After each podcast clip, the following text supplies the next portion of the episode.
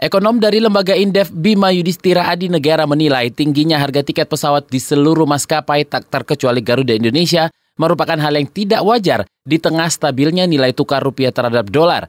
Apalagi harga bahan bakar aftur sudah juga sudah sedang rendah. Bima menduga Kementerian BUMN sengaja tidak mengintervensi harga tiket pesawat karena pemerintah ingin mengalihkan atau mendorong masyarakat untuk jangan menggunakan moda transportasi udara. Statement itu keluar memang ya sudah kalau misalkan angkutan udara atau pesawat mahal silahkan beralih kepada angkutan lainnya khususnya angkutan darat. Ini kan masalahnya adalah bukan perusahaan swasta saja tapi ini perusahaan BUMN PT Garuda Indonesia yang harusnya pemerintah punya kendali. Jadi kalau terjadi pembiaran begini jangan-jangan memang ini salah satu bentuk dari sinergi sinergi BUMN untuk mengisi tol-tol Trans Jawa yang memang masih kosong. Okupansi rate-nya masih sangat-sangat rendah. Ekonom Indef Bima Yudhistira menuturkan mahalnya harga tiket pesawat otomatis memaksa masyarakat untuk meninggalkan transportasi udara dan beralih ke darat atau laut.